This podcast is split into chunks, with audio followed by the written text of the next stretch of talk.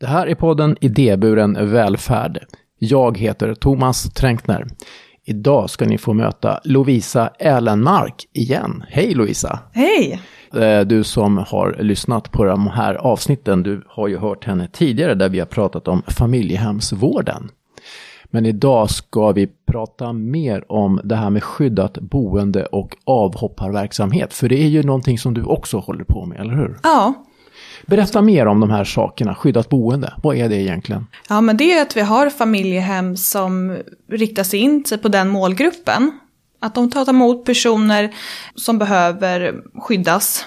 Eh, ofta är det då från eh, familj, föräldrar, sin partner. Och de familjehemmen, de finns också lite runt om i Sverige och eh, vissa tar bara emot mam- föräldrar, barn med skydd. Eh, vissa tar emot även små barn eller vuxna också. Och de måste ju ha det här skyddstänket. Men de flesta har ju då erfarenhet av skyddsplaceringar och vad, att det är viktigt att tänka på bara allmänt i vardagen. Liksom, att inte berätta för grannen vem som bor där. Man kanske hittar på en fiktiv historia om det är någon skulle, som skulle fråga eh, vem personen är och vad den gör där och mm.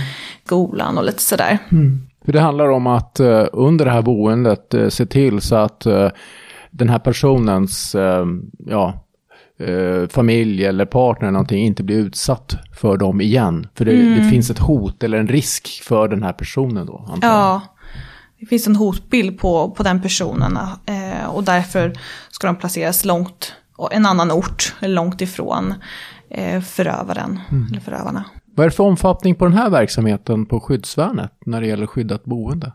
Två av tio placeringar handlar om skydd. Och sen har vi det här med avhopparverksamheten. Mm. Vad är det man hoppar av ifrån? Avhopparverksamheten har ju som syfte att minska kriminaliteten i Sverige.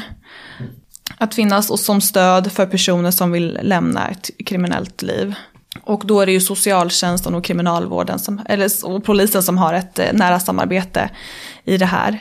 Och eh, sådana förfrågningar får vi också, har fått lite mer nu senaste året. Och då är det ju personer då som, som vänder sig eh, till socialtjänsten för hjälp. Och ofta har det gått så långt då, och de är rädda för sitt liv mm. om de inte tar hjälp hos socialtjänsten. Och då blir de aktuella där på avverksamheten. Eh, och sen så får vi uppdrag från dem om att hitta ett matchande familjehem som har erfarenhet av skydd och som kan jobba och hjälpa. Så man kan säga att eh, det är ett skyddat boende där, där det är så att säga avhoppare som bor? Ja, Precis, det är fortfarande skyddet som är anledningen till placering. Men att det inte beror på liksom, våld av familj eller förövare utan att det är på grund av andra kriminella medlemmar oftast. Mm. Är det här oftast, eh, det låter som att det är personer som inte är väldigt unga. Är det så eller? Hur gamla är de i allmänhet de här? Jag skulle säga runt eh, 20 till 35. Och de är ju väl, ofta väldigt traumatiserade när de kommer till familjehemmet de är ju rädda för, de, rädda för sina liv som sagt och de eh, har berättat liksom att de har ja, tre miljoner på sitt huvud och har rullgardiner neddragna i sitt rum och även om de har då placerats 50 mil från deras hemkommun. Och, så då kopplas också vår psykolog på i det ärendet liksom med traumabehandling och kanske försöka få ut dem lite, lite per dag och så vad är du bra på och försöka få ett annat fokus. Eh, men det måste vara jättejobbigt. Har du träffat någon av de här som har ja. blivit placerade, eh, som är avhoppare? Mm. Hur kändes det att träffa, dem, träffa en sån person? Man, man känner ju medkänsla, att liksom, jag, jag förstår att det är jobbigt. Jag, den där världen som du har levt är så långt ifrån min, men ändå så, så kan man mötas och liksom, ja, vad gör vi här och nu för att det ska bli bra? Och eh, eh vi som jobbar i den här branschen tror ju att varje människa kan göra en förändring i sina liv och vill ge en chans till. Så jag kände ju verkligen mycket att jag vill, hur, hur kan jag hjälpa dig och försöker, försöker ehm, ja, bemöta den personen på bästa sätt och försöker hjälpa den. Mm. Vad är svårast med att lyckas med det här? För det låter ju verkligen som en utmaning, både för familjehemmet och kanske även för er här på skyddsvärnet. den största utmaningen kring de här placeringarna är ju att eh, inte personen röjer sig.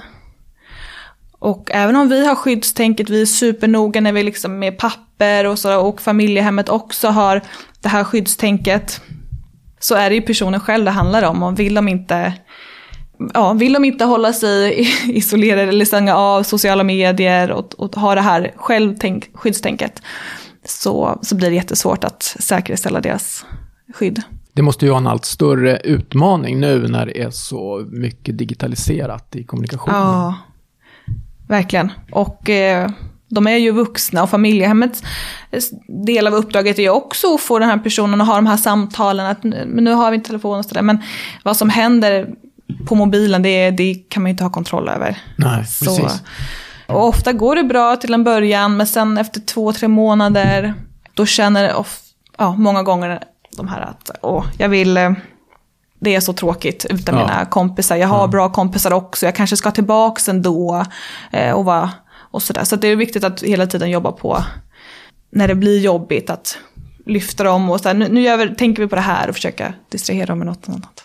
Men funkar det då? Alltså, kommer de här eh, personerna med, eh, som är avhoppare, liksom, lyckas de hoppa av sen efter att ha varit på familjehemmet? Vi gör ju aldrig några liksom, uppföljningar efteråt när de lämnar oss, vilket kan vara tråkigt ibland för man, man är nyfiken. Ibland har jag ringt någon gång sådär. Ja. Hej, hur är läget med dig? Nu var det ett år sedan. Man hoppas ju att man eh, gjorde en förändring och att de har kommit igång med någon, med någon bra sysselsättning och lämnat eh, sina gamla eh, livsstilar.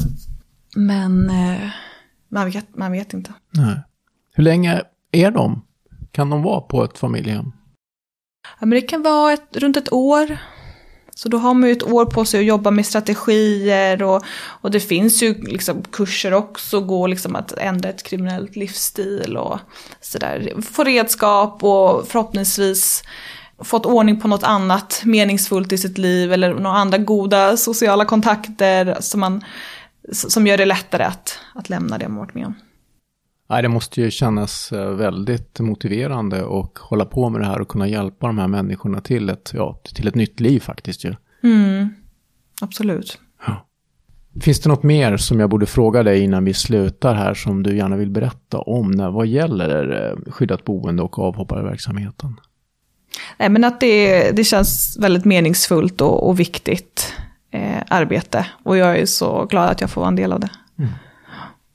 Tack så hemskt mycket Louisa för att du tog dig tid och uh, var med i den här korta podden. Mm, tack själv. Hej då. Hej då.